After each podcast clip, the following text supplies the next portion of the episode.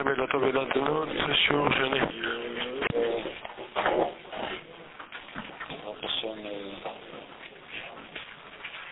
נמשיך בסוגיה שעסקנו בה ביום חמישי. ביום חמישי אה, הייתה לי תחושה שרוב המשתתפים לא, לא, לא היו מוכנים מספיק. אני מקווה היום איכשהו שכן נספיק לעבור על עיקר הסוגיה. שהעבודה העיקרית השבוע יש שם מקורות, אני חושב, על שיטת הגאונים ומחלוקת של הרמב"ם והגאונים, בשאלה של אין אדם עושה בילתו בילתנו. יש שם את המקור של הרמב"ם והגאונים עצמם, והיום שמתי גם קצת אחרונים סביב הנושא הזה. אז זה בעזרת השם הנושא שנלמד אותו השבוע, וביום חמישי יש שיעור סביב הנושא הזה. אני אחזור שוב על כמה נקודות שדיברנו עליהן ביום חמישי. אני רוצה, כפי שאמרתי, זה בעצם היה הנושא של יום חמישי. אני אחזור על מספר נקודות ואני אנסה היום איכשהו לסכם את הסוגיה, שהיא סוגיה די מורכבת. הנושא של הסוגיה, אפשר להסתכל עליו שני מישורים. המישור האחד הוא המישור, נאמר, הריאלי, המציאותי, והמישור השני הוא המישור הלמדני המשפטי. במישור הריאלי אמרנו שהנושא, הבעיה שהסוגיה מתמודדת איתה, היא כפי שברר בכלל ניסוח קולע בסיום של הסוגיה בדברי רבי ישמעאל, כן, יש לך אחרת שהכפי שלא נתפסה מותרת, ואיזו? זו שקידושי הקידושי טעות, שאפילו בנה מורכב על כתפה, ממאנת ממאנת והולכת לה. אם כן, הסיטואציה היא, הבעיה שאיתה כאן הסוגיה חז"ל התמודדו, היא סיטואציה שבו אישה נשואה לאדם, יכולה אפילו להיות נשואה שנים ארוכות, כבר יש להם ילדים, נכדים וכולי, ויום אחד מתברר שהקידושים הראשונים היו קידושי טעות, ואז היא אומרת לו שלום, ואפילו בנה מורכב על כתפה, ממאנת והולכת לה, והשאלה איך מתמודדים עם מצב כזה, אם המצב הזה הוא מצב אפשרי, נסבל וכן הלאה. האם באמת ייתכן מצב כזה שפתאום יתברר, נאמר, אחרי 20 שנה, שאותו עד שהיה בקידושים, אז העד הזה היה עד פסול, ואז אישה תגיד שלום, היא תלך הביתה, תיקח את הילדים שלה וכן הלאה. זה בעצם הדיון מבחינת הריאליות של הסוגיה. מבחינה, מהבחינה הלמדנית המשפטית, היא השאלה האם באמת האדם הזה, אף על פי שהתברר שהקידושים שלו היו פסולים מסיבה כזאת או אחרת, אבל אם אנחנו נבוא ונאמר שהאישה הזאת תתקדש לו ביחסי אישות, פגיעה שהוא בא לאחריה. האם כשהוא בא לאחריה, אנחנו נבוא ונאמר שיש לו כוונה לקדש אותה באותה ביאה. זו בעצם כבר הפתרון של הבעיה. השאלה הייתה של בנה מורכב על כתפה, והפתרון שהסוגיה מציעה היא שאולי זה שהוא בא לאחר מכן, שהוא קיים איתה, שהוא חי איתה בתוך האישון, זה כבר יכול להוות תחליף לקידושים שנפסלו. זה למעשה הנושא של הסוגיה. כשהמקרים, יש לנו כמה וכמה מקרים, אם נסכם אותם, ראינו את זה בפעם הקודמת. המקרה הראשון זה שהקידושים היו על תנאי, ולאחר מכן כנסה או בעליה. מקרה נוסף היה מקרה של קידושי קטנה שהוא גם כן מקרה יותר שכיח. קטנה שהתקדשה, כן, שאין לה אבא, ואביה ואחיה קידשו אותה, יש כאן קידושים לרבנן, והיא יכולה למען. השאלה מה יהיה מצבה אחרי שהיא כבר גדלה, היא עדיין המשיכה לחיות איתו, האם אנחנו נבוא ונאמר שקידושיה ברבנן עדיין ממשיכים, כיוון שהוא לא קידש אותה מחדש, או, או לא. מקרה נוסף שעולה כאן בסוגיה זה המקרה של קטן, מקרה של קידשה פחות משווה כניסה למקרה של מתקדש בנלווה. זהו, אני חושב, המקרים שאם אני זוכר נכון, מופיעים בגמרא.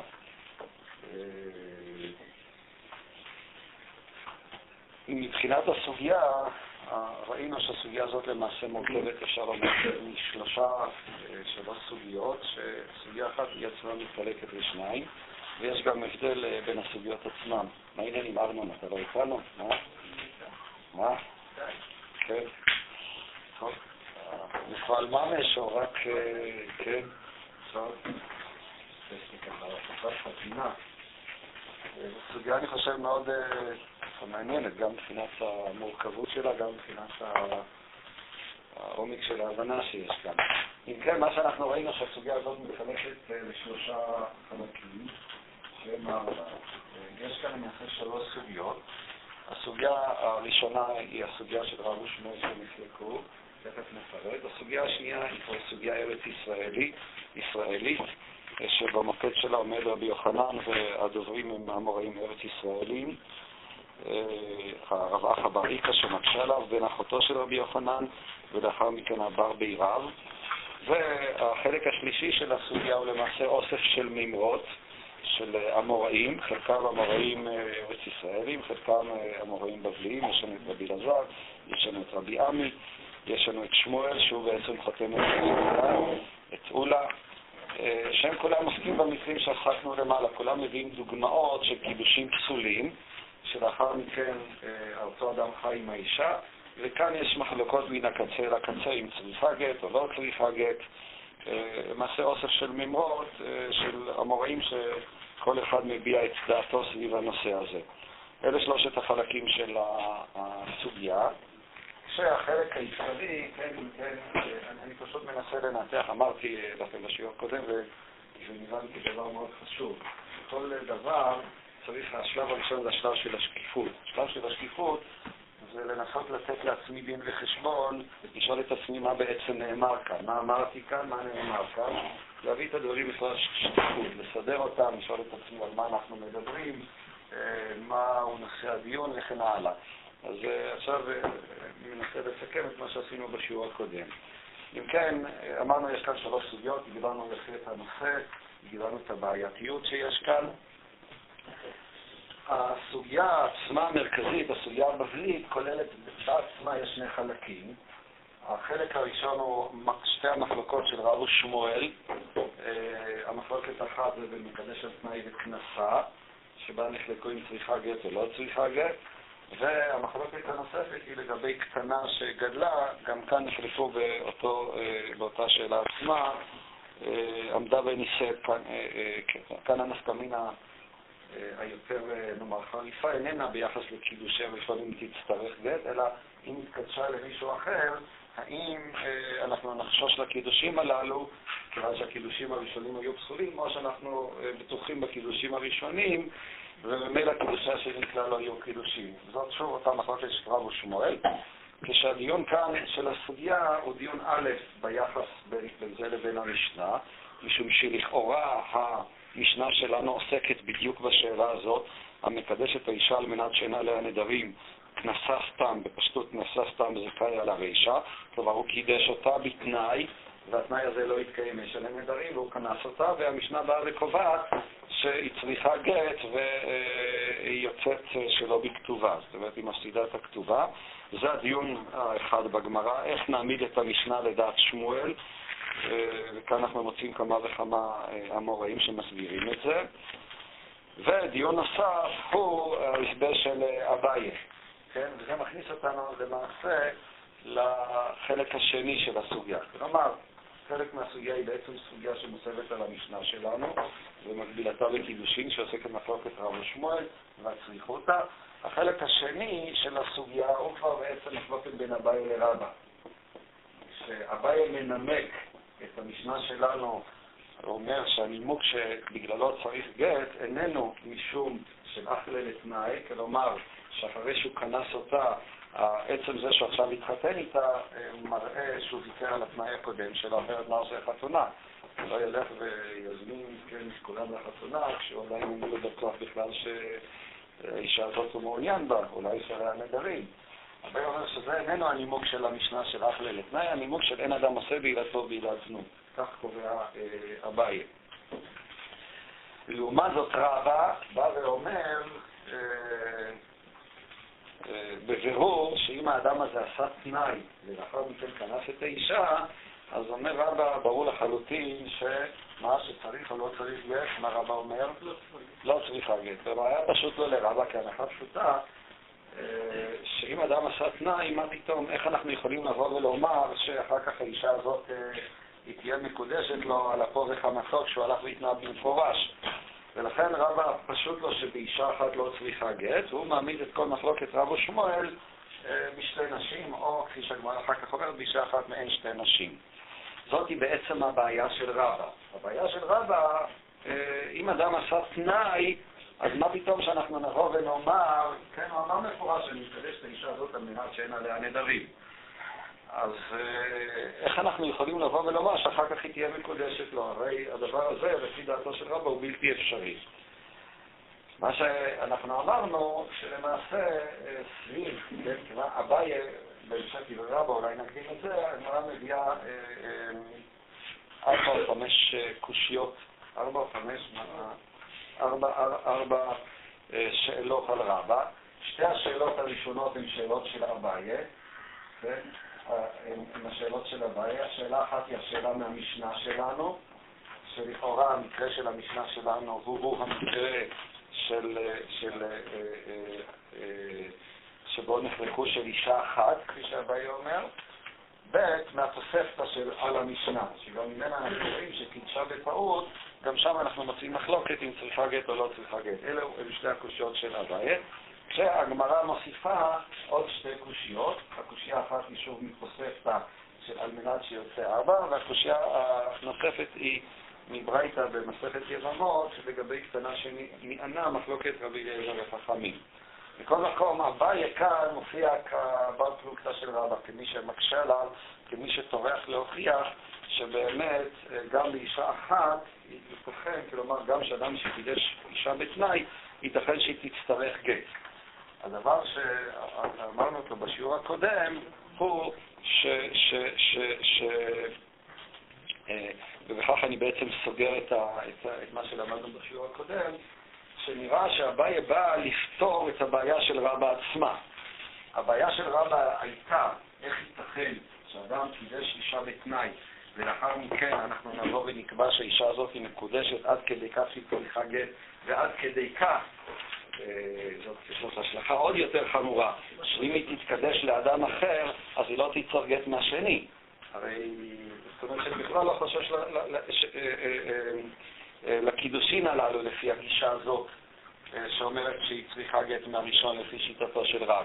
אבל הדבר הזה הוא ממש מראה, כן, בביטחון גמור שהאישה מקודשת איך ייתכן דבר כזה? זה בעצם הייתה הבעיה של רבא, ועליה באמת הקשה אביי, גם מהמשנה, גם מהתוספתא.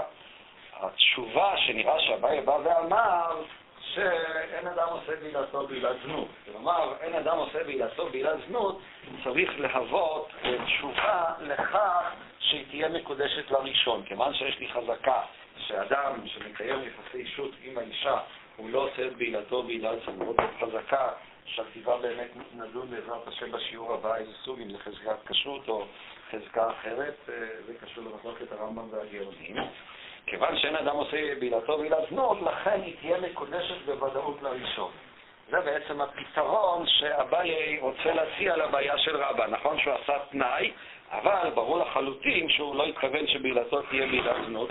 אדם לא מוכן לקיים עם אישה יחסי זנות, או אם נגיד זה חזקת כשרות, אז אה, כן, הוא לא מוכן אה, לחיות חיי חטא עם אותה אישה, ולכן ברור לחלוטין שתהיה מקודשת לו. כן, בבקשה. החזקה הזאת שאומרים, אז באיזה רובד היא נאמרת? האם הכוונה שאדם, כל פעם שהוא בא על האישה, הוא מתכוון לקדש אותה בזה, או... זה ברובד של התודעה, ברובד של הכוונה? זה חלק מהדיון שלנו. כלומר, וכאן אני רוצה באמת לגשת אה, לשלב הבא, ולהמשיך את הדיון שלנו. אולי אציג את זה אה, לפניכם. אה, אם אני מנסה, מה לפי דעתכם הפואנטה של הסוגיה, אני מתכוון, של ההסבר של הגמרא, מה שנקרא סוגיה סתמנית. אם אני אנסה לבודד, לפי דעתכם, מה המאמץ, הפואנטה, הנקודה, שאותה אני לא מוצא במפורש בדברים של האמוראים הקודמים, או בדברים של התנאים, ואני מוצא אותה בגמרא. איזה הסבר מוסיפה הגמרא אה, למה שהפרשנות של הגמרא, הרי כפי שאמרתי, אנחנו צריכים לראות מה כתוב אצל האמוראים או אצל התנאים, ואיך הגמרא מפרשת אותם. אז מה נראה הנקודה או העוקץ של מה שהגמרא מפרשת? איך הייתם אומרים? באיזה נקודה הייתם ממקדים את, ה, את, ה, את החידוש בפרשנות של הגמרא? דבר ש... ש, ש הגמרא, כשהיא מסבירה את המחלוקת, איך היא מסבירה בעצם את המחלוקת כאן, או איך היא מסבירה כאן את הדיון של השאלה אם צריכה גט או לא צריכה גט? סביב מה אנחנו היינו מעמידים את זה? נו, מה, מה, על הבקיאות של האדם בדין הקידושים, בכל דיון אומרים, הוא ידע שככה, אז... כלומר, לפי מה שאלחנן אומר, ובצדק, הגמרא מעמידה את הדיון הזה עצמו הגמרא מעמידה את הדיון סביב השאלה אם אדם יודע, כן, בכמה וכמה מקומות הגמרא חוזרת על אותו ביטוי. השאלה אם אדם יודע שהקידושים הראשונים שלו הם היו פסולים, או שמא אה, הוא לא יודע אותם, כן?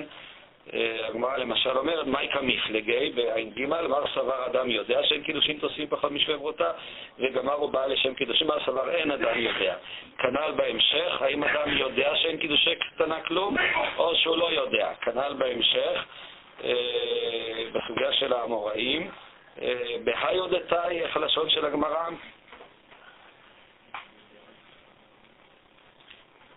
מה הלשון של הגמרא?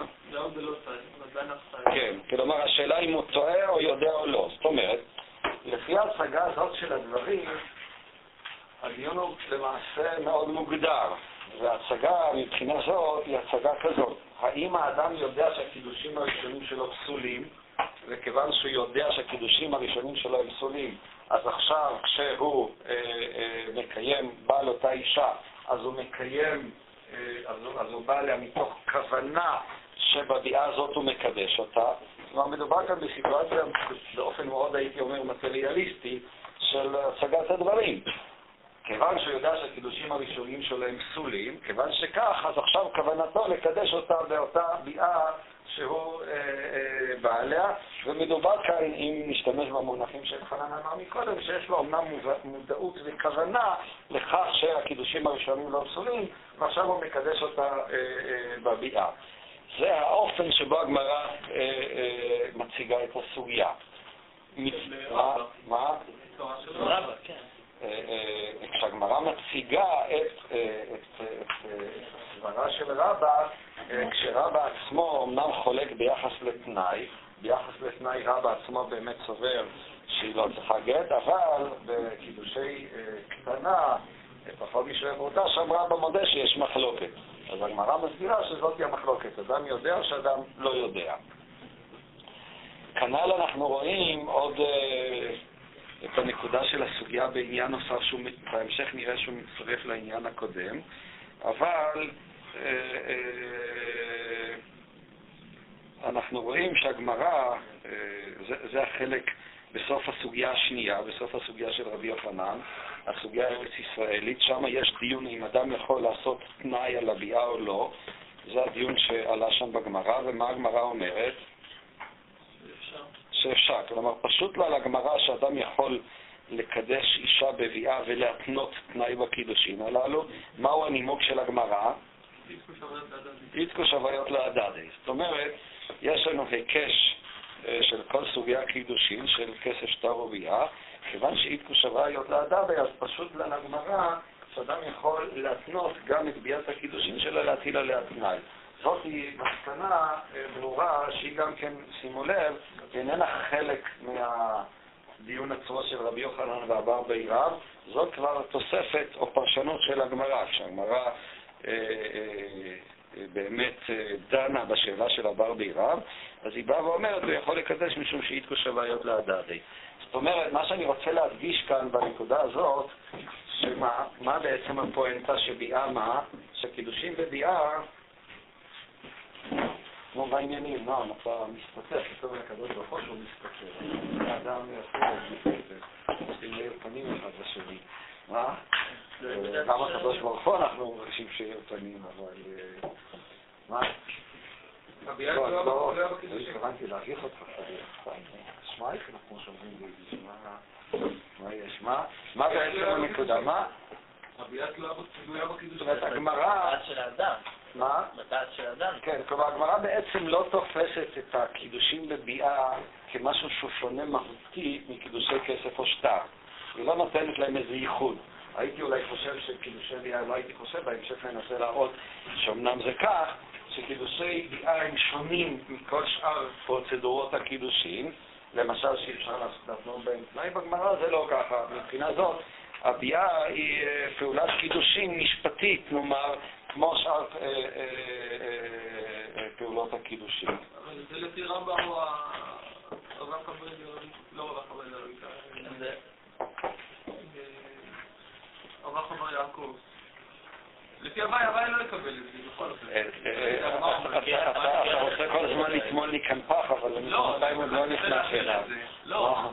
אני יודע, אתה רוצה להכין לי כאן מוקש, אבל בוא נראה אם תצליח לפוצץ אותו או לא, אבל בינתיים בוא נשאר. רגע, אני לא אמרתי אחרת, מה? פגיעה באמת הלכת נגד הבעיה.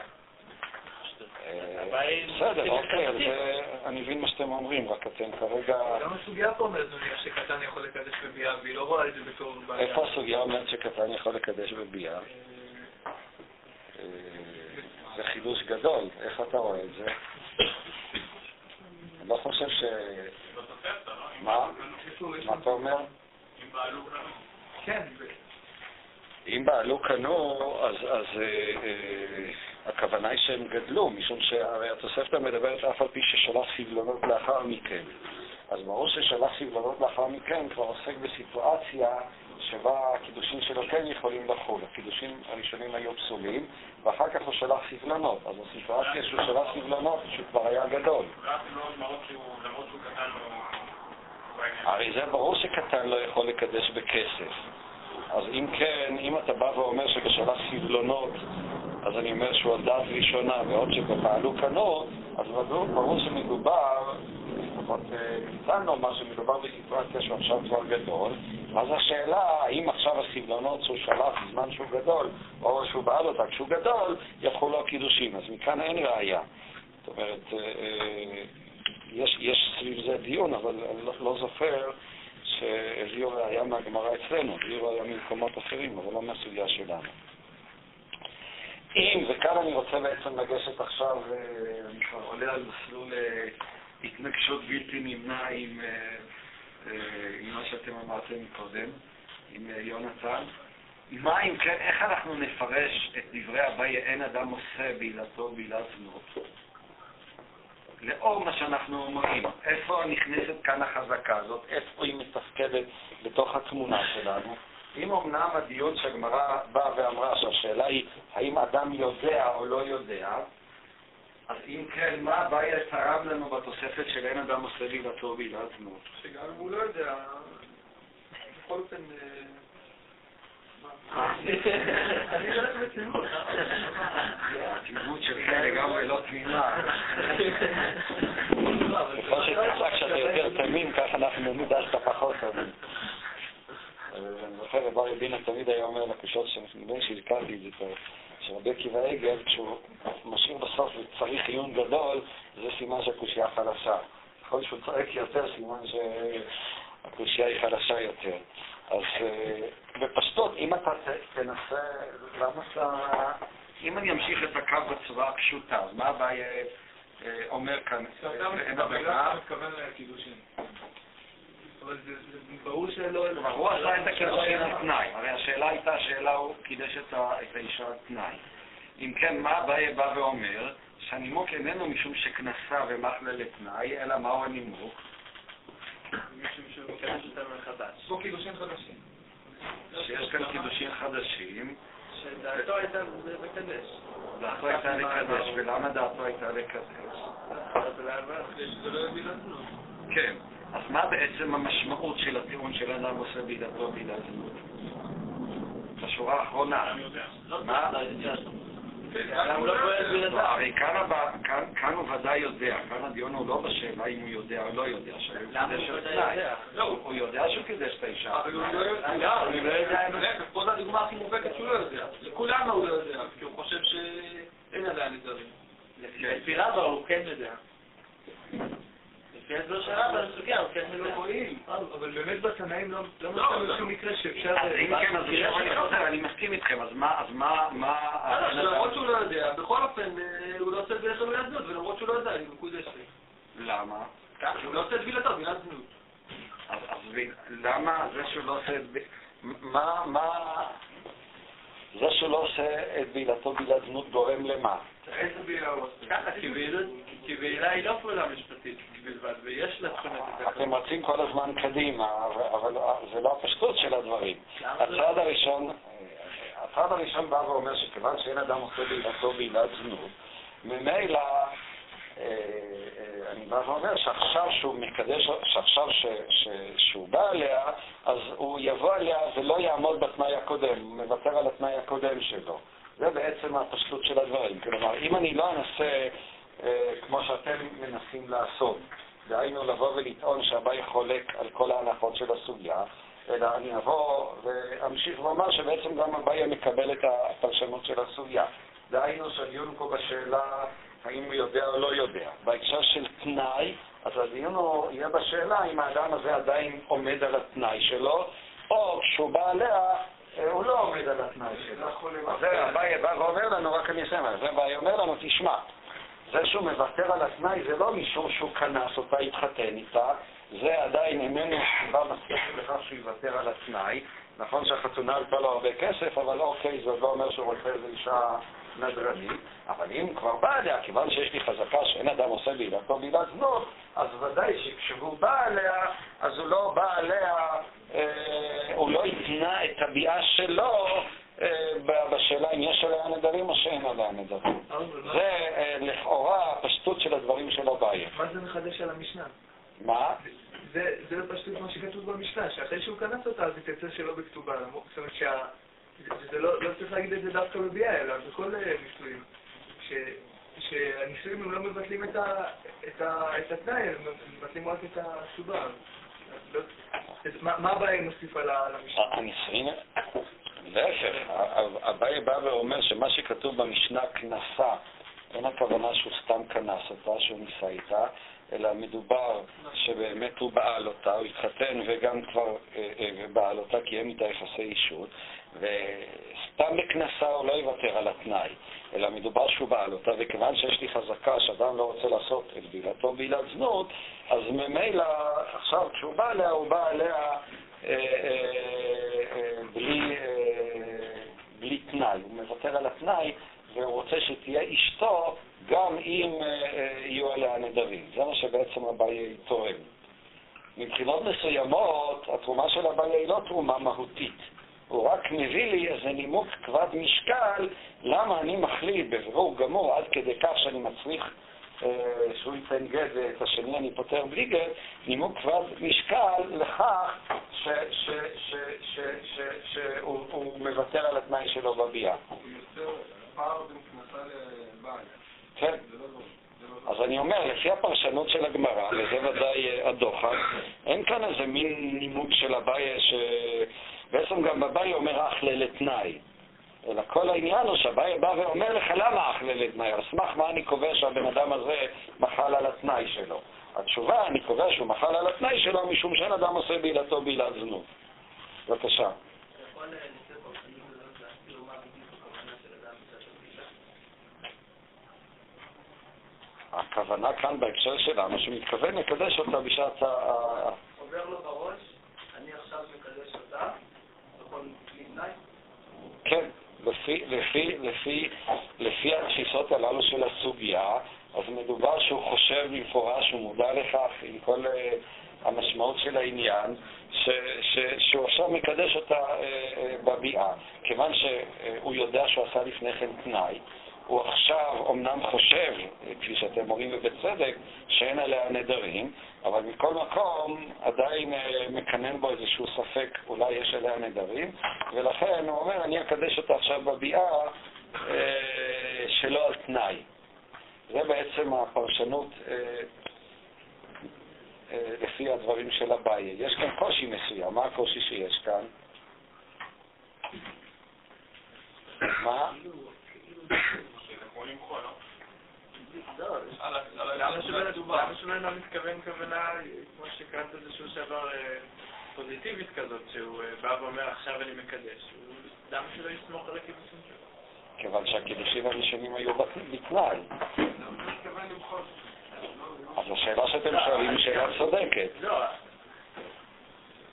השאלה היא, מעבר לשאלה שכאילו אביי בעצם לא מציב איזה משהו מהותי, אז אה, אה, שואל יוסי ובצדק, סתם נגיד שעכשיו כשהוא בא אליה הוא מחל על התנאי הקודם שלו, כפי שבאמת פוסק הרמב"ם.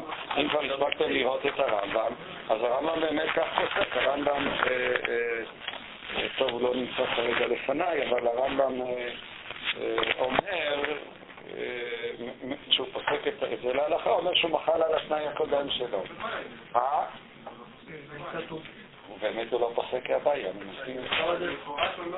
אבל זה רק מציב קושי, למה הבעיה צריך ללכת בצורה זה כזאת? לא- זה- אין אין שום סיבה שזה יעבוד. הרמב"ם אומר, אה, לפיכך המקדש התנאי וכנס לעם באסר ליצחק ב', אף על פי שלא נתקיים התנאי, שמא ביטל התנאי כשבא לו כשכנס. הרמב"ם אפילו אה, מוסיף לך גם את המקרה של כנס, ולא דווקא מה? אז ברור ש- זה ברור שבא הסבר ככה, כי אין שום סיבה שזה יעבוד. זאת אומרת, אז מה אם ויתרתי על התנאי שלי? קידושים בפנים. אני יכול אני יכול לוותר עד מחר על התנאי שלי. אז זה- הרמב"ם אומר שכדי לבטל תנאי לא צריך עדים. אדם יכול לוותר על התנאי לא, גם- בינו לבין אפילו עצמו. ירידים, אין סיבה שזה יעבוד. למה? כי הקידושים מתבטלים. זאת אומרת, אני לא... לא, אם אדם למשל קידש אישה בתנאי, ואחר כך בא ואומר אני מוותר על התנאי, הוא קידש אישה בתנאי שהיא תיתן לו אה, 200 שקל, ואחר כך הוא בא ואומר שלא בפני עדים, אפילו אני מוותר על התנאי הזה. אז הרמב"ם פוסק שהקידושים יחולו, כלומר אין צורך בעדים אה, ב- בוויתור על תנאי. זה תנאי בעתיד, זו דרישה שאני דרשתי, הקידושים שלי לא יתקיימו, או הם יתקיימו רק אם בעתיד יקרה משהו. אבל אם אני מתנה משהו בגוף האישה, ואני אומר, אני אני לא מדבר על אני לא- אני לא מבין איך זה יכול לעבוד. שאני אקדש משהו בגוף האישה, אני אגיד, אני לא רוצה להתחתן עם אישה שיש עליה נדרים, אני לא רוצה, לא, לא רוצה להיות מקודש עם אישה שיש עליה נדרים, אני אקדש אותך עכשיו בתנאי שאין לך נדרים. ומתברר שיש לה נדרים, אז לא קידשתי.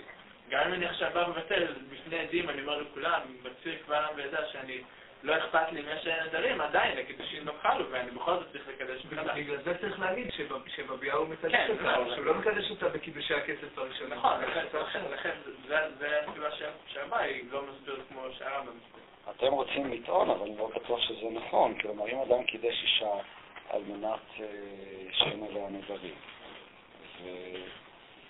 ואתם רוצים לטעון שהוא לא יוכל לבטל את התנאי הזה, ואני מנסה להבין איך משום אפשר... שאין מלכתחילה קידושין. אני יכול לבוא ולומר שיש כאן קידושין. מה? אתה לא. זה מה שאתם רוצים לטעון. מה? זה- בעצם מה שרבא אומר, שבכל מקרה... אני שומע את מה שאתם אומרים. אני- מה? בוועידה, כאילו מחר. משהו חדש.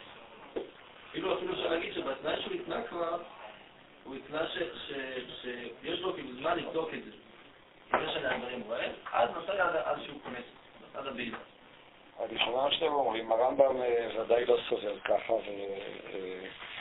וצריך לבדוק אם באמת הדעה של הרמב"ם היא הכרחית, אבל אני בהחלט יכול להבין, למשל אפילו בצורה הפשוטה, כשהוא שומר על מנת שאין עלייך נדרים, אז הוא מתכוון שברגע שיתברר שיש נדרים, אז באותו רגע הקידושים יתבטלו. זה כמו על מנת שתתני לי 200 זוז או משהו כזה. משום שהרמב"ם אומר שהוא ביטל את התנאי. מה? כנף, אז לא מדובר שהוא קידש אותה עכשיו בביאה. לפי הרמב"ם הוא מקדש אותה בקידושי כסף, ומה ששמוליק רוצה לטעון, שבמקרה כזה אין, אין אפשרות כאילו לקיים את הקידושין הקודמים גם על ידי ויתור על התנאי. הסברה אני מבין אותה, אה, שאתם אומרים, אבל אה, לא, לפי הרמב"ם לא, הרמב"ם ודאי לא סובר כמוה. לכן הרמב"ם מה? נכון, לכן הרמב"ם לא הבית. במיוחד אם יהיה לי מקרה שלא קלטה קניינו, כלומר, בקידושי כסף, שהכסף עדיין קיים, נמצא אצל האישה, אז, אז, אז כל רגע ורגע הקידושים יכולים לחול. אז יכול להיות שגם גם אם הם לא חלו ברגע הראשון, ברגע שהוא אומר אני מוותר על התנאי, הכסף שנמצא עכשיו בידי יכיל את הקידושים, בלי צורך לקדש בביאה. אם אני מתכוון לקדש אישה מסוימת, והבאתי כסף בכלל למישהו אחר, לא, כאן הוא נתן את הכסף לאישה. אז הכסף הזה... דעתו לא הייתה לקדש אותה בכלל. יש- כן, הוא התכוון לקדש אותה בתנאי, והכסף הזה ניתן, ניתן לה מתוך כוונה לקדש אותה ובתנאי. ברגע שהוא ויתר על התנאי, הנפקא מינה שיכולה להיות כאן באמת אם הקידושים יחילו כבר ברגע שהוא נתן לה, או שיחולו רק עכשיו. אולי כאן יכול להיות ויכוח. הם אבל אם לא תרצה קניינו, אז זה יכול. אה? זה שהם יחולו רק עכשיו זה בכלל לא יכול להיות. למה לא?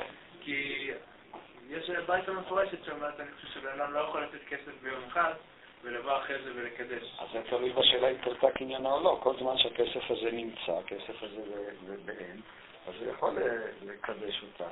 אם הכסף עדיין נמצא, נמצא אצל האישה, והוא נמצא אצל האישה אה, ככסף שניתן לה לשם קידושין, אז הוא יכול לבוא ולומר, אני מוותר על התנאי ולהכניס את הקידושין. טוב, הנקודה הזאת צריכה בדיקה. אפשר אולי להסביר בכלל מה המשמעות של תנאי בקידושין זה מובן, אבל גם, במקורות התנאיים, אז לפחות מה שנמצא פה, אז לא, אין מקרה של כונס אה, בתנאי. אז זה אנחנו, זה- חלק מהדיון. אני עדיין לא מבין למה, כאילו, אתה קראת לזה הסוגיה, ואמרת, אין סיבה להגיד שהבאי חולק על, ההנחות של הסוגיה. זה לא הנחות של הסוגיה, יש, יש לנו מקורות תנאים ואת המחלוקת של רב ושמואל. לא ברור על מה הם חולקים. הסוגיה מעצבת את זה ככה על פי דעת רבא, אני חושב. לא, זה- זה ברור. אני, אני לא מבינה, אני צריכים חושב... לחשוב כאן בכמה ראשים, אי אפשר לחשוב כאן בראש אחד. יש לי את הסוגיה ויש לי את הפרשנות של הסוגיה. עכשיו, כשהראשונים הולכים ומפרשים את הסוגיה, רש"י, תוספות הראשונים, הם תמיד יפרשו את הסוגיה, כולל אביי, לפי הפרשנות של הגמרא, לפי הפרשנות של הסתמה. לכן קו המחשבה הראשון מתבקש, אה, אה, לפרש לפחות מנקודת מבט של הראשונים, היא אה, לבוא ולומר, לפרש את אביי לפי הפרשנות של הסוגיה. בואו נשאל את עצמנו שאלה אחרת, איך הסוגיה תפרש את אביי? התשובה תהיה, הסוגיה תפרש את אביי לפי הנחותיה, דהיינו שכאן הדיון הוא בשאלה האם הוא ויתר על התנאי או לא, ואז אין אדם עושה בעילתו בעילת זנות, הוא רק נימוק לכך שהוא ויתר על התנאי.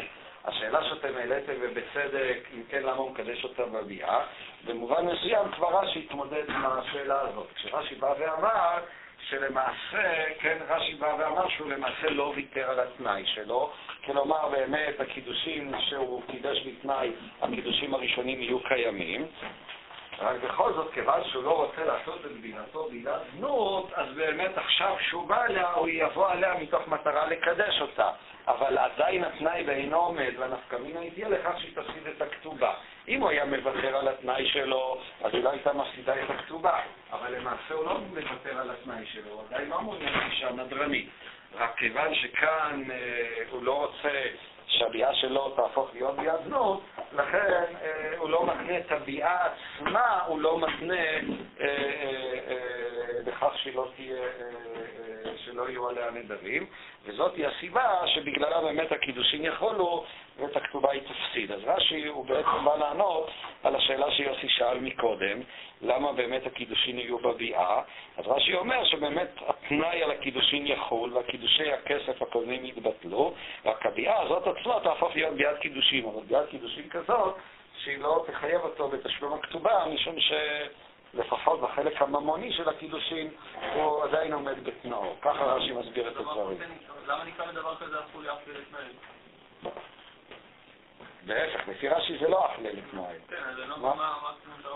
אני מתכוון לומר אחלה לתנאי במובן הזה שבביאה עצמה הוא מוותר על התנאי, הוא לא מתנה את הקידושין שבביאה אה, בתנאי. הוא מקדש אותה, הוא קידש אותה בכסף. הקידושין בכסף הוא מב... הוא... התבטלו. עכשיו, הוא עושה עוד פעולת קידושין בביאה. מה? התנאי... הוא עומד בתנאו, ממילא הם יתבטלו. התנאי הזה יבטל את הקידושין.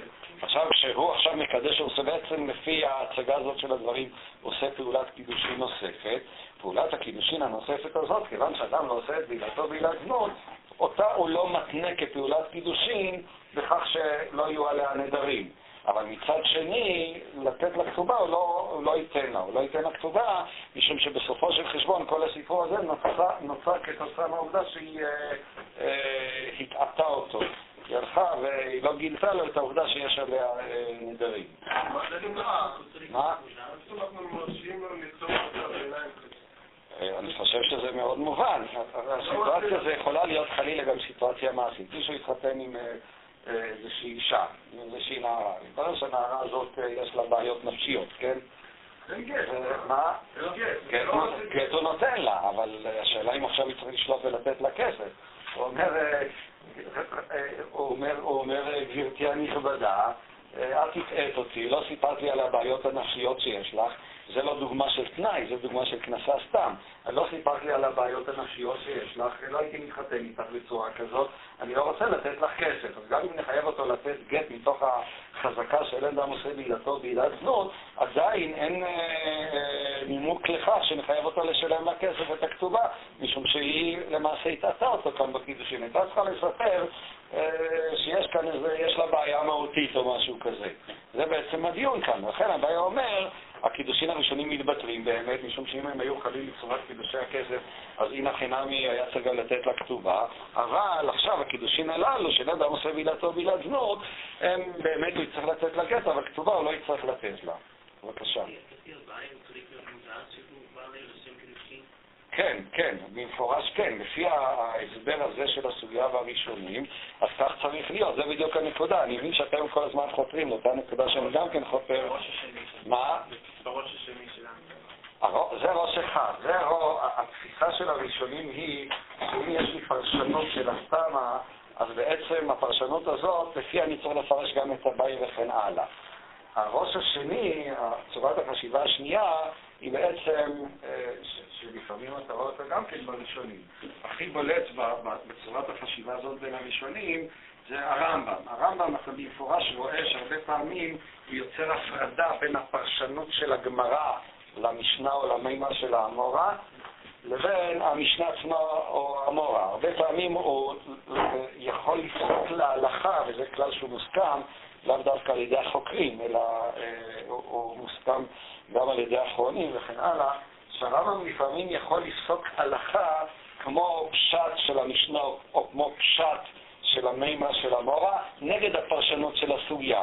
זאת אומרת, הרמב"ם בעצמו כבר יוצר את ההבחנה הזאת שאנחנו מרשים לעצמנו אה, ליצור אותה גם כן. כלומר, להבחין בין מה נאמר במשנה ומתחייב מתוך המשנה, מתוך המימות של האמוראים, לבין הפרשנות של הסוגיה. אבל הדבר הזה הוא באמת מיוחד לרמב"ם. אתה יכול למצוא אותו פה ושם לעיתים נדירות אצל רש"י, אבל בדרך כלל אצל רש"י זה דווקא מסוגיה לסוגיה. רש"י יכול לפרש סוגיה אחת לא לפי הפרשנות של סוגיה אחרת, אלא אם מתוך הסוגיה הזאת מתחייב פירוש אחר. אצל רש"י זה בדרך כלל קיים בין סוגיות. התוספות מבחינה זאת הם עוד יותר קיצוניים. התוספות, עיקר הפרויקט, הפרויקט שלהם זה לתפוס את כל הש"ס כסוגיה אחת, ואם במקום אחד אתה חייב לפרש כך את המימה, אז גם בסוגיה הבאה תפרש אותה לפי הפרשנות של הסוגיה השנייה. זה, בין, זה אחד ההבדלים הבולטים לבין בין רש"י לבין תוספות. רש"י הוא פרשן מקומי, והוא תמיד ינסה להעדיף את מה שיוצא מתוך הסוגיה עצמה, גם אם הדבר הזה יעמוד בסתירה לסוגיה אחרת, ותוספות בעצם הגישה העיקרית שלהם זה גישה המוניסטית. כלומר, ליישב או למצוא נוסחה שאני אוכל אה, אה, אה, לעבור באמצעותה על הסוגיות כולן, בלי שתהיה ביניהן אה, אה, סתירה. אנחנו בהקשר שלנו באמת אה, מאמצים לנו את אה, צורת החשיבה, אה, שוב, אולי באמת זה טוב שהתחדד השאלה המתודית הזאת, שנייחס אותה לרמב"ם. זאת אומרת, כאן זה מאוד בולט בסוגיה הזאת. הרמב"ם, הסוגיה הזאת היא אחת שנלמד את, את, את הפסקים של הרמב"ם בסוגיה, זה אחת הדוגמאות הקלאסיות לראות איך שהרמב"ם בעצם יצר את, את הפירוק הזה שעליו אנחנו מדברים. כן. השאלה הזאת, כזו הרמב"ם משתמש בלשון, אף על פי שלא נקיים התנאי, שם צריך לבטל את הנדר לפי הרמב"ם זה רק ספק. כן. אז זה נראה, את הרמב"ם אני לא רוצה להיכנס אליו אה, אה, אה, כרגע. מכל מקום, אם, אם כך אנחנו מפרשים את, את, את הדברים ואת את הדברים של הבית, אז למעשה, וזה מה שהזכרתי בשיעור קודם, נוצרות כמה בעיות בסוגיה. כלומר, הסוגיה עצמה, הייתי אומר, אנחנו בסוגיה עצמה יכולים לחשוף עקבות, הייתי אומר, אם נשתמש במונח המודרני, של התפיסה המוקדמת. זאת אומרת, אתה יכול לראות בתוך הפרשנות של הסוגיה עצמה את הבעיות, את הבע, את הבעיות שיש בפרשנות הזאת ו, ולהראות שלמעשה אה, אה, ישנה אפשרות אחרת. הסוגיה, על פי דרכה, מתוך ההנחות שלה, היא מפרשת את הדברים בצורה הזאת, אבל למעשה אה, אפשר לראות בתוך הסוגיה עצמה שהתנאים או האמוראים או סוגיות אחרות, הרבה פעמים הירושלמי מאוד מביא אותי ל,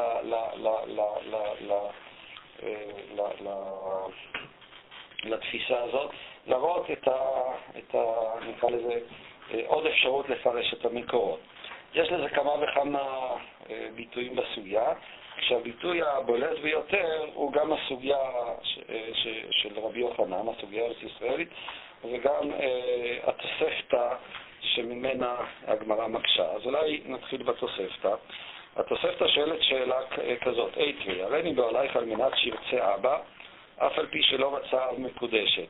רבי שמעון בן יהודה אומר, משום רבי שמעון, יש כאן גם כן גרסאות שונות, יש גרסה רבי ישמעאל, לא כל כך משנה לענייננו, רצה אב מקודשת, לא רצה אב אינה מקודשת. אז זה שואלת הגמרא, והאחד יחי טעות אישה אחת העמים פליגי. אם כן, הגמרא מקשה מהתוספתא הזאת, שאם אדם בעל את האישה בתנאי, אז uh, דעת הנקמה שהתנאי לא קיים, אף על פי שלא רצה על מקודשת. וזה דבר תמוה. למה זה דבר תמוה? כי הרי כאן לא מדובר כמו המקרה הקודם, שאדם קידש אישה בתנאי ולאחר מכן בעליה. כאן מדובר שאדם מפורש התנה על הביאה עצמה. הרי התוספתא עוסקת בהרינו בועלך, לא מדובר שהוא קידש קודם, ועכשיו אני שואל את עצמי האם הביאה עצמה הוא מתנה אותה או לא, האם הוא עומד בתנאו או לא. כאן אמר מפורש שהביאה הזאת היא תהיה רק בתנאי שאבא יוצא, ובכל זאת הגמרא באה ומקשה שאנחנו נבוא ונאמר שהתנאי שלו מתבטל.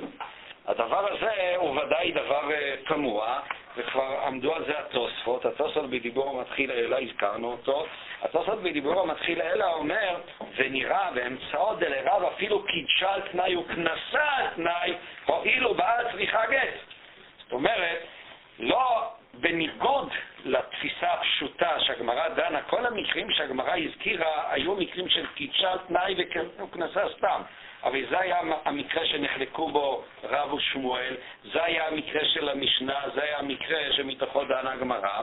והנה אומרים התוספות שגם אם הוא כנסה בתנאי, גם כן אנחנו נבוא ונאמר שתהיה אותה שאלה עצמה אם הוא, בא, אם, אם הוא עומד בתנאו או לא. אה, מאיפה התוספות מוכיחים את הדבר הזה?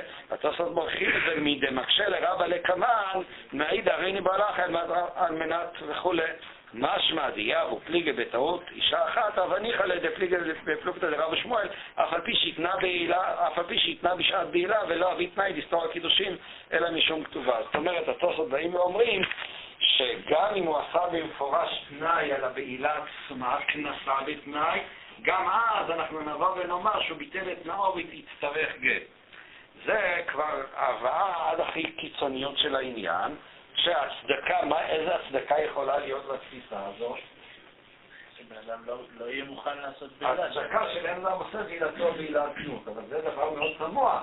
אם אני סובר שאין אדם עושה בעילתו בעילת זנות, זה הסיבה לכך שהוא מבטל על התנאי, אבל הבן אדם הזה אמר לך מפורש, אני כן עושה את בעילתי בעילת זנות.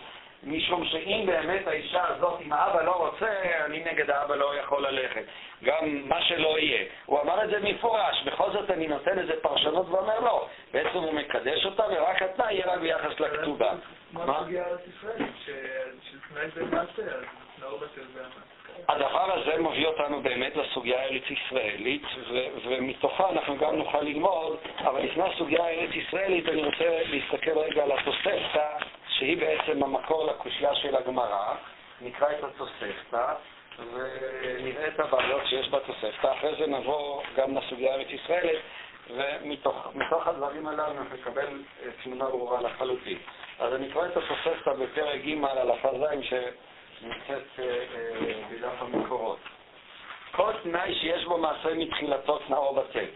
אם כן, יש לנו כאן את הכלל שמוכר בגמרא כתנאי קודם למעשה. כלומר, לכאורה, ככה לפחות הפרשנות של הדברים, שאם אדם שעושה תנאי, אז הוא קודם צריך לומר את התנאי ורק לאחר מכן את המעשה. כלומר, הוא צריך לומר, אם ירצה אבא, אז אה, הרי אני מקדשך.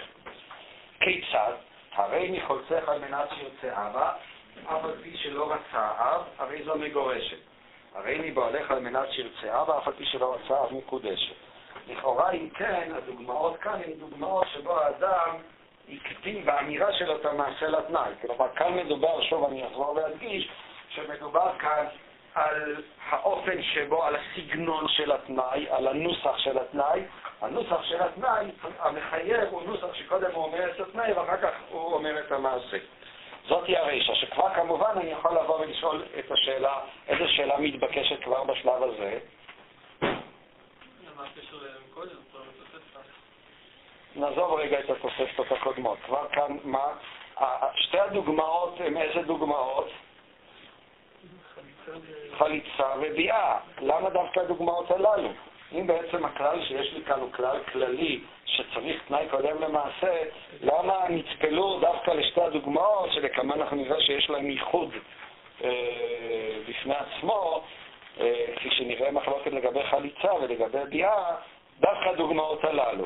לפי הפרשנות הרגילה, אז לכאורה זאת הלכה כללית.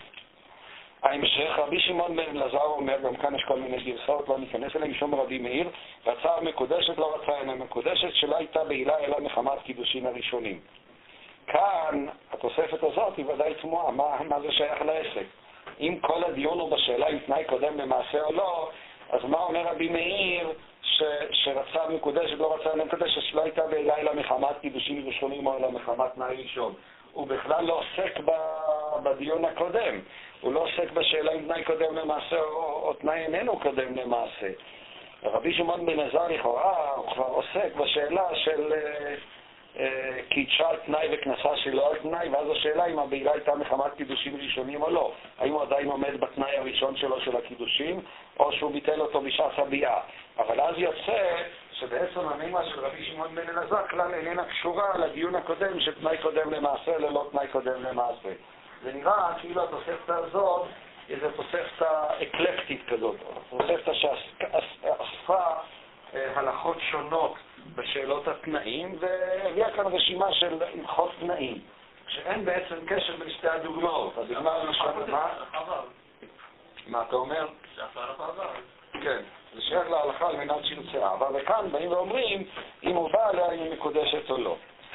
בהמשך מופיע עוד דבר שהוא גם כן תמוה, כלל אמר רבי שמעון בן אלעזר, אותו רבי שמעון בן אלעזר, כל תנאי שאפשר לעשות בה הוא בשלוחה והתנאי מתנאו קיים. וכל תנאי שאי אפשר לעשות אלא בגופה והתנאי מתנאו בטל. כיצד? הרי אני מגרשך על מנת שירצה רצה מגורשת לא רצה אינה מגורשת. אני, הרי אני מקדשך על מנת שירצה אבא, רצה אב, מקודש לא רצה אינה מקודשת. אבל זה דווקא תנאי, כלומר יש כאן עוד איזו קביעה שצריך, אפשר להתנות רק על משהו שהוא יכול לעשות בו ובשלוחו. אבל משהו שאיננו יכול לעשות בו בשלוחו, אפשר לעשות עליו תנאים. אה, זה בעצם התוספתא שממנה הגמרא מקשה, והיא מפרשת שהשאלה היא אה, מה היה דעתו בתנאי, אם אה, התנאי היה על מנת שישתוק, על מנת שיוצא, אבל כפי שכבר רש בעיר, הגמרא לא הכירה את התוספתא בגרסה שלפנינו, כי לפי הגרסה שלפנינו אי אפשר להסביר שזאת היא המחלוקת, ככה רשב"א אומר כאן. הסיום של התוספתא הוא מתנה על מה שכתוב בתורה. אם כן, השאלה היא מה...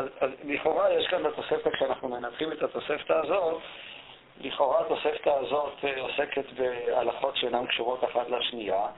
אה, כשרבי שמעון בן אלעזר, יש לנו כאן שתי מימרות שגם כן אינן קשורות. המימרה אחת אם ויתר על התנאי, והמימרה השנייה שקובע שצריך להיות אה, תנאי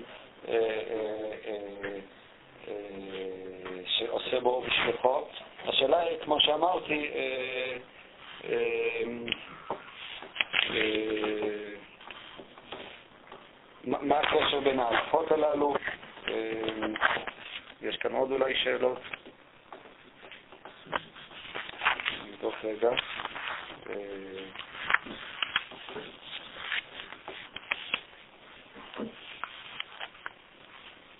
כן, זה תלוי גם השמות של התנאים, אם הם מקבילים לסוגיה או לא, אבל לא... כן, הביטוי מחמת קידושים ראשונים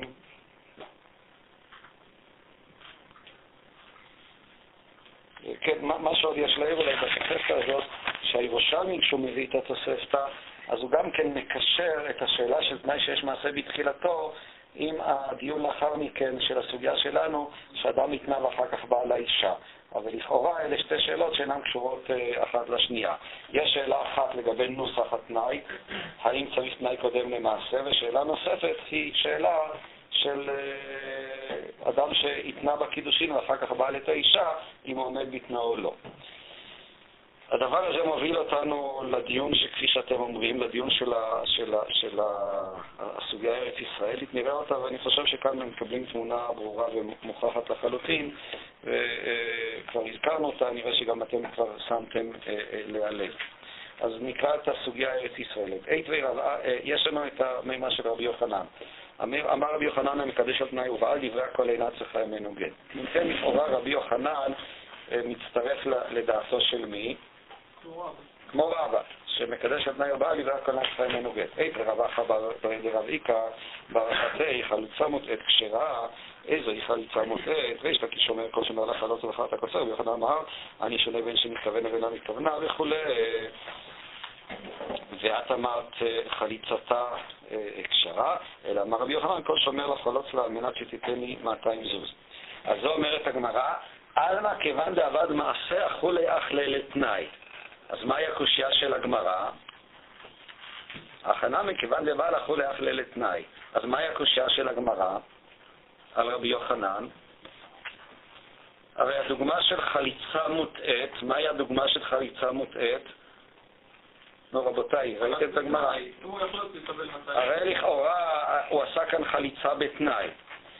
ואנחנו באים ואומר רבי יוחנן, שאם לאחר מכן הוא חלץ, אז במקרה כזה החליצה היא כשרה. זה, אה, אה, כך הוא מפרש את, ה, את המימרה של חליצה מוטעית כשרה.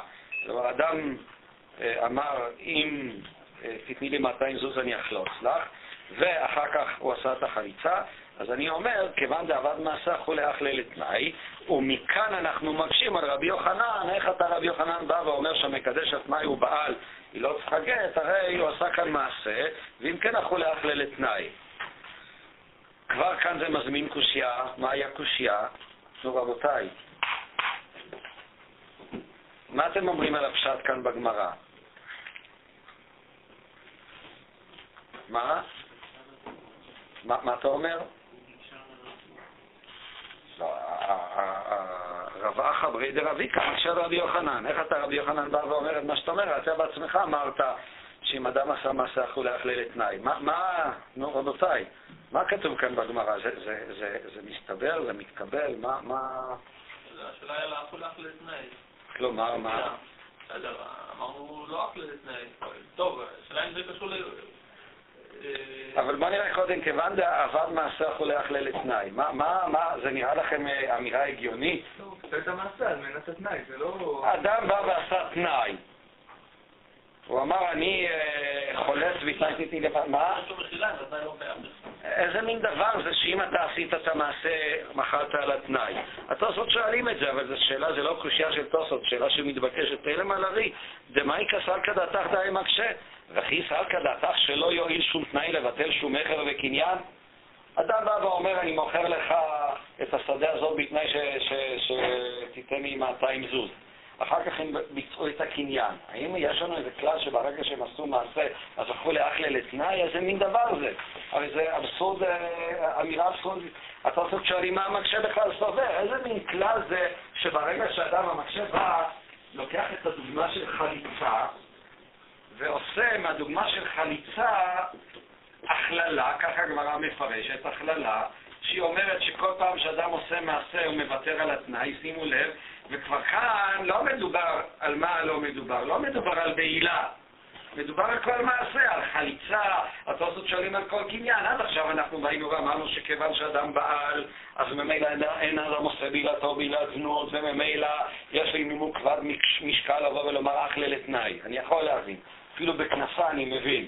מה אתה הולך להתחתן עם אישה כשאתה לא בטוח שאתה בכלל רוצה להתחתן איתה. אם, אם כבר עשית חתונה, אז מן הסתם ויתרת על התנאי.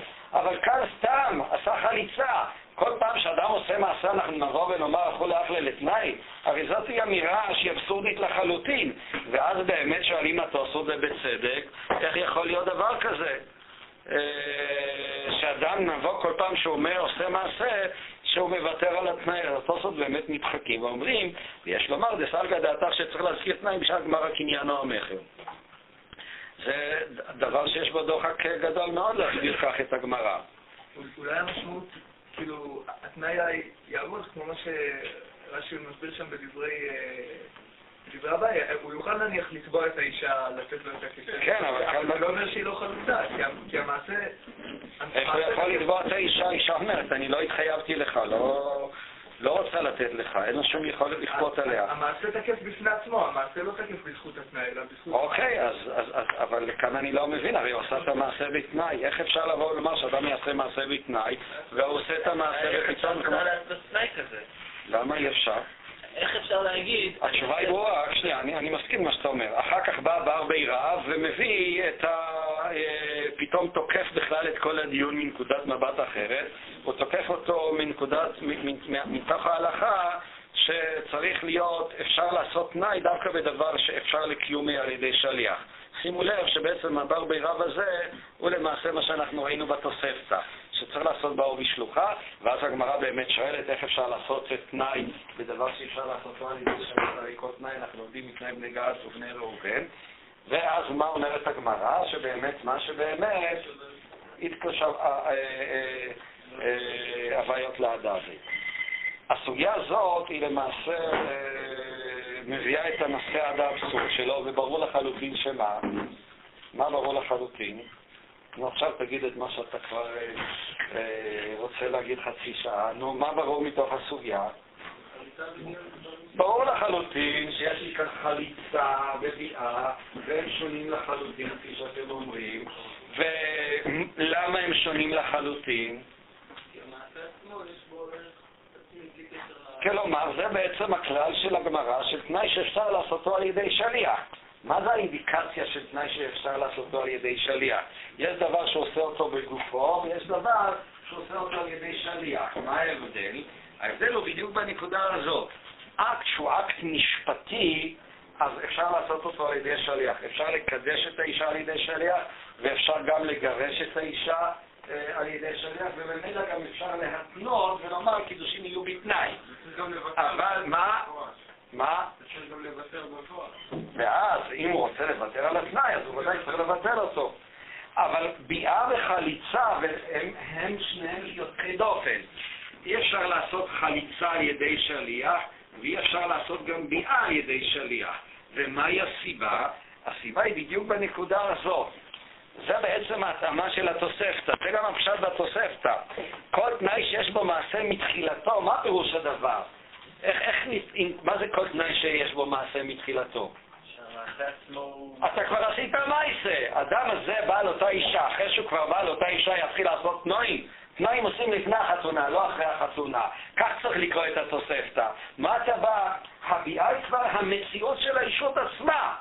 אם באמת זה אקט משפטי ואתה מתנה את החלום של האקט, אז אוקיי, אז אתה יכול לעשות תנאים אקט משפטי ולהתנות את החלות בתנאים שלך. אבל כשכבר עשית מעשה, אז אה, איך אומרים, חוכא מלאכה מעשה, מה, מה פתאום? אי אפשר לעשות תנאים אחרי שהמעשה כבר נעשה. לשון אחרת, כפי ששמוליק אומר ובצדק, הביאה היא איננה אקט משפטי, היא המציאות של הקידושין. ברגע שאדם קיים יחסי אישות עם האישה, אז באותו רגע עצמו היא הופכת להיות אשתו. זה לא תלוי בכוונה שלו לקדש אותה, במובן הזה שזה כסף הופך להיות קידושין רק אם אני מתכוון שבאמצעות הכסף הזה אני אקדש את האישה. ביאה, פירושו של דבר זה, כפי שכבר הזכרנו כמה פעמים, עצם הקיום יחסי אישות זה כבר מגדיר אותה כאשתו, וברגע שאתה עשית מעשה אתה כבר לא יכול לעשות תנאים. הוא הדינמי ביחס לחליצה. חליצה, לפי ההגדרה שלנו, וכבר אנחנו דיברנו על זה, ראינו שדיברנו על כך שבחליצה מועיל גדול עומד על גביו, עצם המציאות הוא לא, בלשון של הישיבות, הוא לא ביילים על המעשה לקבוע ולהטיל בו תנאים.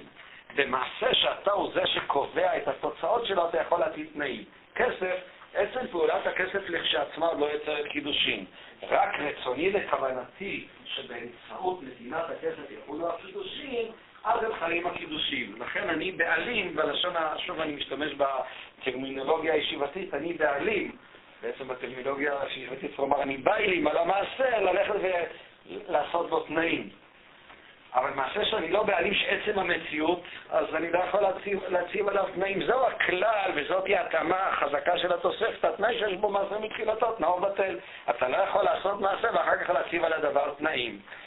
וברור לחלוטין שמדובר כאן דווקא על חליצה ודווקא על uh, ביאה. אלה שני, שתי הדוגמאות שעליהן אנחנו דנים גם בתוספתא וגם בסוגיה כאן. ואז הסוגיה הזאת היא הופכת להיות uh, כאילו רינה עיניים. יש לי א' מחלוקת לגבי חליצה מוטעה. כאן הדיון הוא באמת הדיון הארוך. משום שמצד אחד חליצה אתה לא בעלים. חלצת באותו רגע, אז uh, החליצה חלה. וזה מה שכתוב, חליצה מוטעית כשרה. עם מה התמודדו האמוראים הללו? מה זה חליצה מוטעית? משום שמצד אחד, אמת ונכון שחליצה היא המציאות עצמה, הוא לא בעלים להציב עליה תנאים. מצד שני, וזאת הטענה של רבי יוחנן, חליצה, אם אני, אדם חלץ את הנעל, והוא חשב שלא רק שהחליצה לא פותרת אותה, אלא בדיוק ההפך, הוא כונס אותה.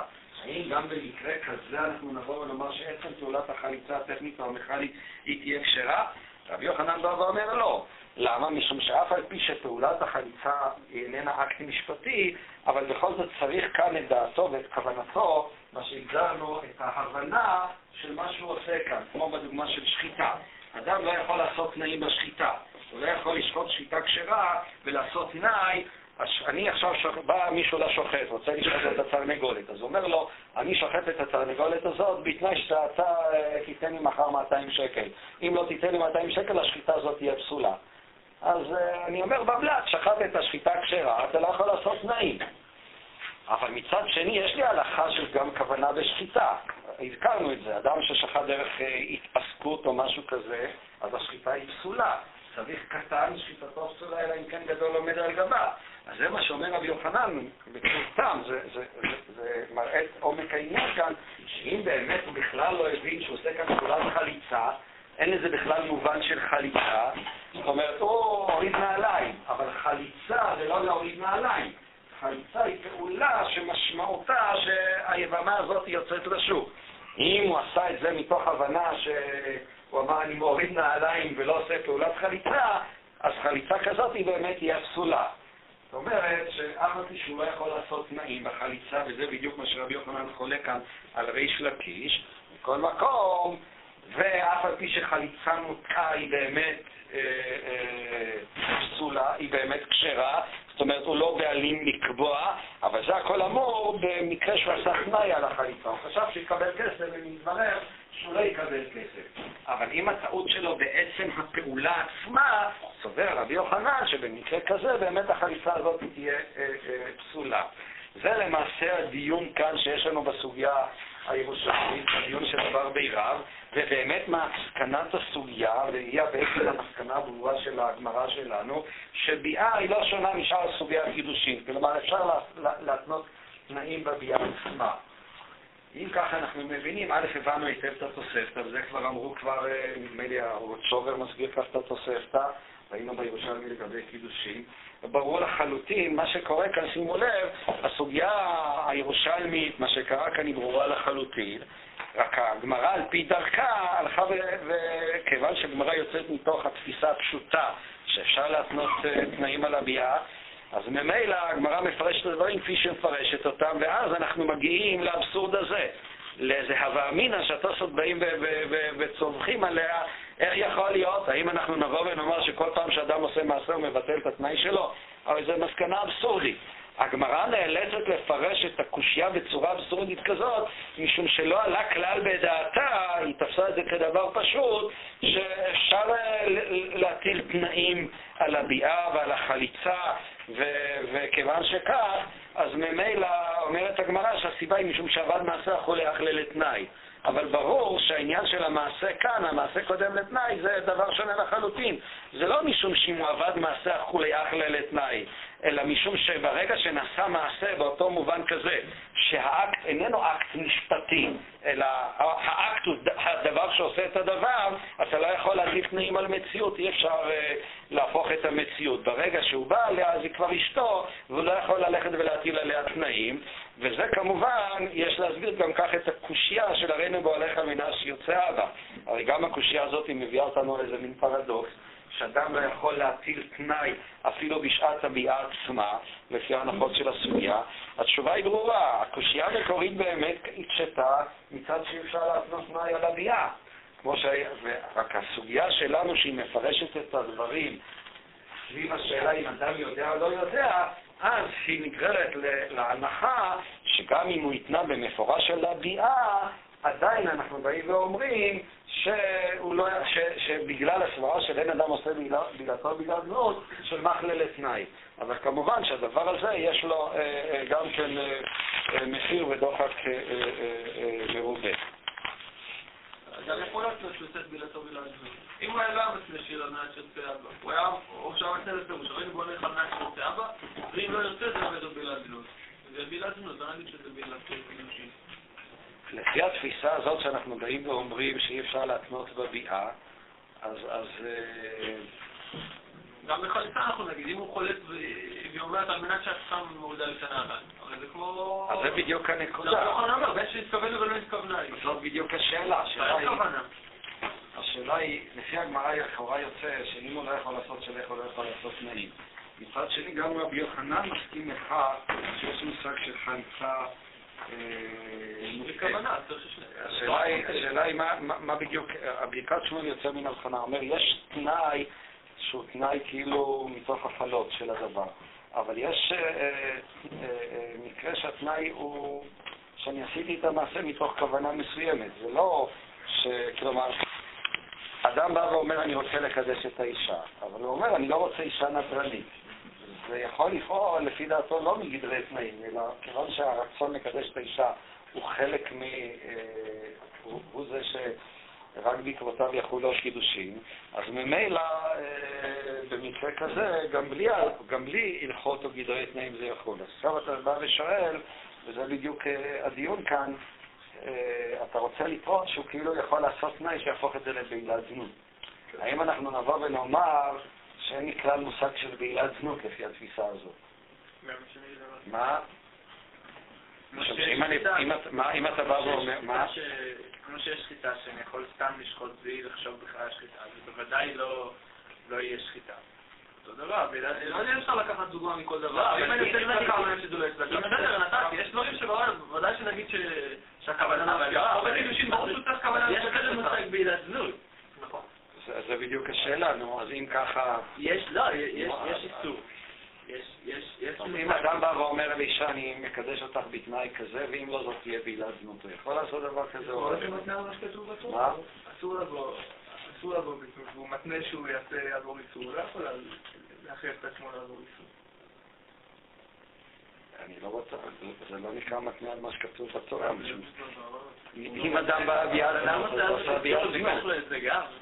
אפשר לכל בילת זנות במציאות. כן, לא, אבל אז יונתן שואל, איך אנחנו באים ואומרים שאי אפשר לעשות תנאי על הביאה? הרי ביאת זנות יש דבר כזה. אז אם כן, הוא בא ואומר, אה, אני עושה ביאת זנות. אני חושב שהתשובה היא פשוטה. הוא כאן עשה ביאת קידושין, הוא אמר, אני מקדש אותך בביאה בתנאי. אם הוא עושה ביאת קידושין, ברגע שהוא עשה ביאת קידושין זה כבר אה, חורג, זה כבר עבר את הסמכות שלו, הוא לא יכול להפוך אותה לביאת זנות באמצעות התנאי. אדם עקרונית יכול לעשות ביאת זנות, אבל, אבל, אבל, אבל במקרה ש... ש, ש, ש, ש אה, אה, אבל, אבל במקרה שהוא עשה ביאת קידושין, במקרה של הרים בוא נלך על מעט שיוצא אז בוודאי שעושה כאן ביאת קידושין. נכון, בסדר, אלא אפשר לתרץ את המקרה אפשר לאחוז את החבל בשני קצותיו. הנה, אתה רואה את זה בדברים של רבי יוחנן. הוא אומר, יש הבדל בין חליצה מוטעית, דהיינו שבכלל לא עשה פעולת חליצה, לבין מקרה שהוא עשה חליצה בתנאי. אם הוא עשה חליצה בתנאי, אז מקרה כזה החליצה תחול על אפו וחמתו והתנאי יתבטל. אז אותו דבר גם ביחס לביאה. אם הוא עושה ביאת קידושין, אבל פה הוא אומר, אני לא אעשה ביד קידושין. זה לא- לא מופיע את הצד השני. פה אנחנו צריכים שהוא יחלוט, לא ש... זה כמו שתגיד, אני... מק- אה, אה, זה לא... הרי יש לנו, יש לנו גם מקדש על מנת שיקרה משהו, ואז הוא אומר, מקודשת וישלים את תנאו. זה לא קשור, התנאי שלו לא קשור למעשה. הוא. אדם עשה פעולה של קידושין, עכשיו הוא רוצה להתנות אותה.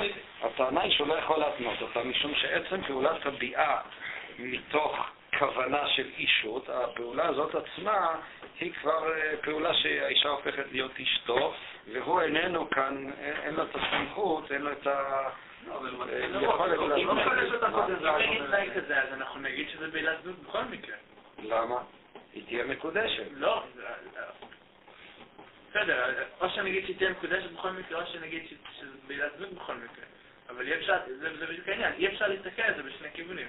אבל במקרה שבן אדם אומר, אם לא, אני לא רוצה שזה יהיה קידושים, אני רוצה שזה יהיה בעילת זנות, אולי נבוא ונגיד, אז בכל מקרה זה לא... כי שוב, כי דעתו... אם אדם בא ואומר, הוא רוצה לעשות בעילה זנות, אז לא, אז זאת בעילת הוא זנות.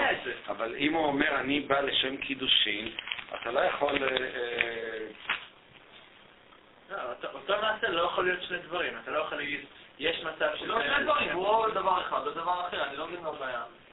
או שהוא בא לשם קידושין, או של לשם אבל זה בדיוק האמירה, לא- לא- לא יכול להיות שאותו מעשה מפרש אותו לשני כיוונים. או שנגיד שבכל מקרה הוא הוא בעילת זנות, או ש... אין- בוא, אני אביא דוגמה, מעניינת, פיקנטית. אדם בא, אה, הדוגמה של הבית הלוי, אדם בא לתפילה בבוקר, חושש שהציבור, אה, אה, שיעבור זמן קריאת שמע. אז מצד שני הוא רוצה לקרוא קריאת שמע בברכותיה. אז הוא עושה תנאי, הוא אומר ככה, אני עכשיו קורא קריאת שמע. אם הציבור יגיע לפני זמן קריאת שמע, אז אני לא אצא עכשיו ידי חובה. אבל אם הציבור יאחרו, אז אני אצא עכשיו ידי חובה בקריאת שמע שקראתי קודם. אפשר לעשות תנאי כזה או אי אפשר לעשות תנאי כזה?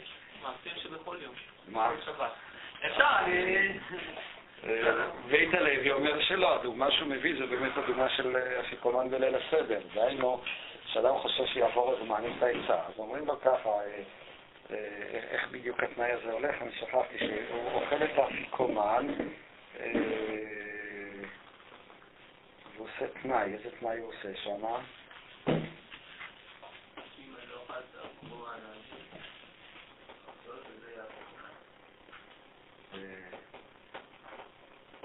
אני לא זוכר איזה ספק יש לו שם, אולי לגבי החצות עצמם, אני לא זוכר. בקיצור, הטענה של בית הלוי אומר שקראת קריאת שמע, מתוך כוונה למצווה. אתה לא, אם זה תחשב מצווה או לא, זה, אתה כבר לא בעלים על הדבר. אתה לא יכול, אי אפשר לעשות תנאי על מציאות. ברגע שאדם קרא קריאת שמע, מתוך הכוונה לקיים את המצווה של קריאת שמע, אתה לא יכול לבוא ולהטיל על זה תנאי. היציאה ידי חובה איננה חלות דין, זה לא איזה אקט משפטי. אתה בא ואומר, אני עושה את הדבר הזה בתנאי. זו שאלה של מציאות, קראת קריאת שמע מכוונה לקיים מצווה או לא. אתה לא יכול ללכת ולהטיל כאן תנאים בעצם. לצאת ידי חובה. אם יצאת ידי חובה, יצאת ידי חובה. אף אחד לא שואל אותך אם יצאת ידי חובה או לא. זו הטענה שטוען בית, אה, בית הלוי. אתה, אתה, הטענה הנגדית שאתה רוצה לטעון, שכאן זה קצת יותר מסובך, הוא, זה כאילו הכוונה עצמה שלו היא מותנית. הוא אומר, צריך כוונה למצווה. קריאת שמע, זאת אומרת. מה? על קריאת שמע אני מדבר. בקריאת שמע אני עכשיו קורא, והכוונה שלי עצמה היא תלויה בשאלה אם עכשיו הגיע הזמן או לא. הכוונה לצאת ידי חובה היא תלויה בשאלה אם הגיע הזמן קריאת שמע או לא. שלא צריכות כוונה, גם למען אמרנו, אני מכוון לא לצאת ידי חובה, אני לא אעשה ידי חובה. אז זה משום שאתה באיזשהו מקום אה, בסדר, אבל- מפנים את הכוונה דרך הצד השני. אבל אני לא בטוח שאתה צודק, אי מה? אפשר לדון את הכוונה אחרי המעשה, התנאי חייב לבוא. גם אם אתה אומר את התנאי לפני, אתה בסופו של דבר דן אותו אחרי. יש לך מעשה שכבר קרה, ועכשיו אתה בודק, האבא רצה או לא, אז עכשיו נגיד שהתכוונת מראש, אתה חייב לקבוע מראש מה אתה עושה עם המעשה הזה. אז אנחנו נסתכל על התנאי שאמרתם, או, ש... או שנגיד שהתנאי הזה, מישהו אומר תנאי כזה, בכל מקרה, תנאי כזה, או- כאילו אתה חייב לדון מראש לפני הביאה איזה סוג ביאה זה. אתה לא יכול להגיד שזה מה ביאה... שיונתן יענה לך. אין- כאילו אפשרות מפצלת לביאה. מה שיונתן יבוא ויאמר, אני לפני המעשה מכוון, אה, אה, הכוונה שלי יהיה מותנה במה שיקרה לאחר מכן. אבל אי אפשר לעשות דבר כזה, אתה לא יכול לכוון עכשיו על מה שיקרה בעתיד. זה בדיוק האמירה כאן. למה לא? אני עכשיו מכוון, והכוונה שלי, אם אני רוצה שיהיו כאן קידושין או לא, הם תלויים בשאלה מה יקרה מחר או מחרתיים. הכוונה עצמה, האדם יכול כאילו להתנות את הכוונה עצמה, אבל זה, זה לא דבר שהוא פשוט, משום שברגע שאתה מכוון גם את הכוונה המותנית, אבל סוף סוף, הרי מה שאני מתכוון לומר, הכוונה היא לא כוונה לחלות, היא כוונה למציאות. זאת אומרת, השאלה אם אתה עכשיו מכוון שתהיה כאן חליצה או לא. השאלה אם אתה עכשיו מכוון אה, מצוות קריאת שמע או, או, או לא מכוון קריאת שמע. אז אתה לא יכול לבוא ולומר, אני מכוון אה, בתנאי. אתה לא מכוון בתנאי. תנאי זה שייך כשיש איזו פעולה, והשאלה היא, האם הפעולה הזאת תיצור את התוצאה המשפטית. אז אני יכול לעשות תנאים. אבל השאלה אם עכשיו אני מכוון למצווה או לא, היא שאלה של, של אה, מציאות. אתה לא יכול לכוון על מציאות, אתה לא יכול להתנות על המציאות. אתה יכול ליצור תנאים על החלות המשפטית. לא... אבל לא- אבל לא- לכוון על המציאות זה לא פועל מגדרי תנאי. אין כאן את המושג של תנאי. אה, אז עכשיו, אז מה תבוא ותאמר, אוקיי, אבל בכל זאת, מה אתה בעצם עושה? אתה מכוון, עכשיו מה שאתה קורא זה קריאת שמע או לא קריאת שמע? עכשיו אני אתה אומר? מילים, זה אני לא חולק, אני לא אומר אם זה יהיה ככה, אני אתה לא אומר מילים, אתה לא אתה נכון, שואל אותך, אתה אומר קריאת שמע או לא אומר? אז לא התכוונת, אם אני- אשאל אותך... בנזיקין. אבל אתה צריך לקבוע עמדה, אתה קורא קריאת שמע או לא קורא קריאת שמע. אתה לא יכול לבוא ולומר, אני קורא קריאת שמע שמותנית בשאלה אם ירד גשם או לא. השאלה אם ירד גשם או לא, היא לא יכולה לקבוע את השאלה אם אתה קורא קריאת אני שמע או אומר לא. עכשיו מילים, או שזה נחשב כקריאת שמע, או שלא, אני לא אתה לא יכול... לא אני. מה זה נחשב? אין דבר כזה נחשב קריאת שמע. לא? שמע זה מציאות. זה לא מציאות. קריאת שמע זה לא נחשב. קריאת שמע זה לא חלות, זה מציאות. אני שובר את הכוס.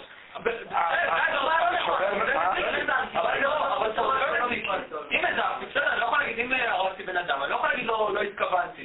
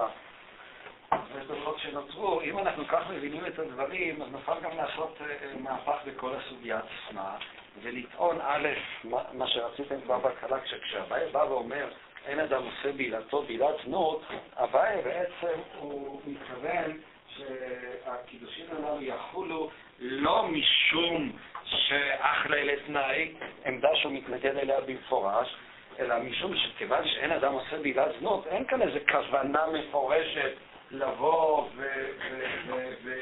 ואין כאן איזו מודעות שעכשיו אותו בן אדם בא ואומר, כיוון שהקידושים הראשונים לא חלו, אז ממילא עכשיו אני מכוון, אותו אדם מכוון שבביאה הזאת יחולו קידושים. לא זאת הכוונה. אין כאן שום מודעות או כוונה, אלא עצם פעולת הביאה עצמה, כשהיא נעשית מתוך ה... כביאת אישות ולא כביאת זנות. זאת אומרת, כיוון שאדם לא עושה ביותיו כביאות זנות, וכוונתו באמת היא אה, לבוא על האישה כדרך, כדרך לקיום יחסים משפחתיים, זה לכשעצמו כבר הופך אותה להיות אשתו. זו הכוונה של הבעיה. הבעיה בעצם בא ומתמודד עם האחלה לתנאי ועם הבעייתיות שבאמת רבה העלה. שלכאורה הבן אדם הזה עשה תנאי, התשובה של הבעיה נכון שהוא עשה תנאי, אבל כיוון שעכשיו כשהוא בא לאישה, אז אין אדם עושה בעילתו בעילת זנות, ממילא זה לכשעצמו כבר יכיל את הקידושים, גם אם הבן אדם הזה עדיין אה, אה, עומד אה, בתנאו ולא ויתר על התנאי שלו. כך אנחנו נפרש את, את הדברים של, של אביי. הדבר הזה, אגב, גם יסביר לנו את הצריכותא, משום שכשהגמרא עושה צריכותא, הרי זה מאוד תמוה. מה זה הצריכותא? אם באמת הדיון הוא בשאלה אם יודע או לא, אז יש לי כאן שאלה אחת לגבי תנאי ושאלה נוספת לגבי קטנה. אין שום קשר בין שתי השאלות הללו. כאן זו שאלה של אדם יודע, וכאן זו שאלה של מחלה לתנאי. מה הקשר בין שתי השאלות הללו? באמת, התוספות שהזכרתי, התוספות בדף ע"ד עמוד ב', כשהגמרא מעלה את הטיעון, סליחה, בע"ג עמוד ב', כשהגמרא מעלה את הטיעון של אדם יודע, אומרים התוספות בדיבור מתחיל אדם, הך צריכותא אחא ומצי למימר לאל כי פריך ויפליגו באחד הזימנה. הצריכותא הזאת של אדם יודע, הגמרא הייתה יכולה לומר אותה כבר בהתחלה כשהיא מביאה את הצריכותא אה, של שתי המימות של רב ושמואל. אבל, ו, ו, ו, אבל בעצם הפרישה של התוספות היא הרבה יותר מרחיקת לכת, זה לא סתם שיש לי עוד איזה, איזה צריכות אה, אה, חלופית או אלטרנטיבית. זה בעצם אומר שהדברים אינם קשורים בכלל אחד לשני, אין קשר בין שתי השאלות הללו, בין השאלה אם אחלה לתנאי לבין השאלה של הקטנה. זה בעצם קושייה על הגמרא. אבל נראה שאם באמת אנחנו מפרשים מדברי אביי, שבעצם אין כאן שאלה אם הוא יודע או לא, אם יש לו כוונה לקדש או לא, אלא השאלה היא באמת אם ביעתו היא עצמה קידושים משום אדם עושה בדעת מיעוט. אם ככה הם הדברים, אז ממילא מובנת היטב הצריכותא של הגמרא, ולמה הצריכותא של אדם יודע לא עלתה על הפרק בשלב הזה, משום שבשלב הזה באמת אה, אה, אה, סברת אדם יודע לא עלתה, זאת איננה סברה של אביי, ובאמת הגמרא ביבמות, בדף ק"ז, שהיא גם כן מביאה את הצריכותא, מביאה צריכותא הפוכה, וזה משום שהגמרא שם באמת משתמשת בנימוד של מחלה לתנאי. אני רק רומז לדבר, אם תרצו, תראו את הדברים בפנים. אם אני מבין ככה את הדברים, אני יכול להבין גם מדברי רבא. רבא אפשר לטעון ולמתוח הלאה את החרב ולטעון שגם רבא לא חולק על התורה של אדם עושה בגללתו בגלל. מה שרבא כאן מעלה על הפרק זה שאלה נוספת, שהיא גם כן עלתה כאן לדיון. היא השאלה עמוקה, אולי באמת צריך להקדיש לה יותר חשיבה, כיוון שבאמת לא, לא מספיק חידדנו את הנקודה, שאם אדם עשה תנאי, הקידושים שבדלו, בגלל שזה הופך להיות קידושי טעות, כמו חליפת הטעות. הרי הסיטואציה לפי שיטת רבא היא שהוא בעל האישה, אבל הוא בעל האישה מתוך ההנחה שאין עליה נדרים, מתוך הטעות שאין עליה, ש, ש, ש, ש, ש, שהוא חשב שאישה שאין עליה נדרים. יכול להיות שגם רבא מסכים לכלל שאין אדם עושה בעילתו בעילת זנות, ולכן הוא באמת מסכים למקרה של שווה פרוטה, קטן, קטנה, כל המקרים כולם הוא באמת מסכים שאנחנו נחייב אותו, שיש לה אפשרות מכל מקום לחייב אותו לתת גט. אבל המקרה של קידושין התנאי, הבעיה היא אחרת. הבעיה היא שבקידושין התנאי זה למעשה אה, קידושי טעות, זו ביאת טעות. גם אם אדם לא עושה ביאתו ביאת זנות, וכפי שאמרתי, אין איזה כוונה מודעת למחול על התנאי, אבל סוף סוף הרי הוא בא עליה משום שסבר שאין עליה נדרים, ובמקרה כזה, ורק במקרה כזה סובר רבא, שכיוון שביעתו מלכתחילה הייתה בטעות, זה לא כמו המקרה של אדם שבא לאישה וחושב שהיא אשתו, ואומנם מעוניין שתהיה אשתו, רק שהקידושים הראשונים היו אצלי, ואז אני בא ואומר שפעולת הביאה לכשעצמה היא ביאה שאיננה ביאת זנות, ולכן הוא מקדש את האישה, אלא כאן באמת זאת ביאה בטעות, והביאה בטעות, כאן סובר רבא שבאמת אה, היא לא תעשה את הקידושים, והאישה הזאת לא תצטרף. לפי ההסבר של רבא, פשט המשנה אומרת ש... בן אדם שהתנה מראש ואחרי זה כנס, בן אדם שהתנה מראש וגירש, אז אה, אם, אם, אם מתגייש שיש נדרים, אז הקידושים יתבטלו. אבל אדם שלא גילה, גילה דעתו מראש וכנס אותם בגילוי נדרים, אז הוא רק לא יהיה חייב לכתובה. לפי ההסבר הזה שהרב מסכים שהקידושים עושים משהו מהותי, שהביאה עושה משהו אה, לא, לא חולק כזה שאין ביאה זנות, מה ההבדל העקרוני הגדול אם הוא גילה דעתו לפני או לא גילה? הרי אנחנו דנים, לפי המשנה, את זה שיש נדרים כדבר שכל בן אדם, לא, אנחנו, גם אם הוא לא אמר את זה במפורש, אנחנו מניחים שהוא לא, לא מעוניין בזה, ולכן אנחנו אומרים שהוא לא חייב לכתובה. אז מה ה big deal אם הוא גילה דעתו במפורש? כאילו, למה שזה יבטל את הקידושין? טוב, אבל הדבר הזה בכלל קושיית אביי הרי הקשה עליו מהמשנה. זה מתוך הקושייה מהמשנה, אז רבא הוא צריך אה, לפרש את המשנה בצורה אחרת. זה לא בכלל הקושייה של אה, אביה על רבא. אבל המשנה לכאורה היא מפורש נגד רבא. אז ברגע שהוא מעמיד את המשנה בשתי נשים, צריך לבדוק, אבל לכאורה באותו רגע גם השאלה שאתה שואל. לא, אבל רבא יסכים בסופו של דבר, שאם בן אדם לא, לא יתנה מראש, סתם, בן אדם יתחתן בצורה רגילה, ואחרי זה גילה ש... גילה ש... זאת אומרת, קידושי טעות, כשהוא לא יתנה מראש, הוא לא יגיד שהקידושים אה, בטלים. אם הוא גילה על הנדרים, הוא רק יגיד שהוא לא חייב בכתובה. לא, גט מדרבנן. רבא יגיד שהגט הוא רק מדרבנן. אומר את זה מפורש, אמר לו, צריך להגיד מדרבנן. כן, זה מה שהוא אומר. טוב, אה, עוד יש מקום להעמיק כאן, אבל אה, עוד הרבה בפרטים של הסוגיה, אבל זה באופן כללי הסוגיה כאן. מה שאמרתי, תראו גם את הסוגיה בגיטין ואת השיעור הבא, אה, זאת המשימה השבוע, זה בעיקר שיטת הרמב"ם והגאונים, תעברו גם על התשובות, זה דברים מאוד מעניינים, תשובה של הרמב"ם, ואני ממליץ גם לראות כאן את האחרונים, יש כאן את האור שמח, את אליעזר, יש שם צילום גם של השבט מיהודה של הרב אונטרמן, אז אה, לפחות יותר אחרי שתראו את הסוגיה בגיטין. Thank you.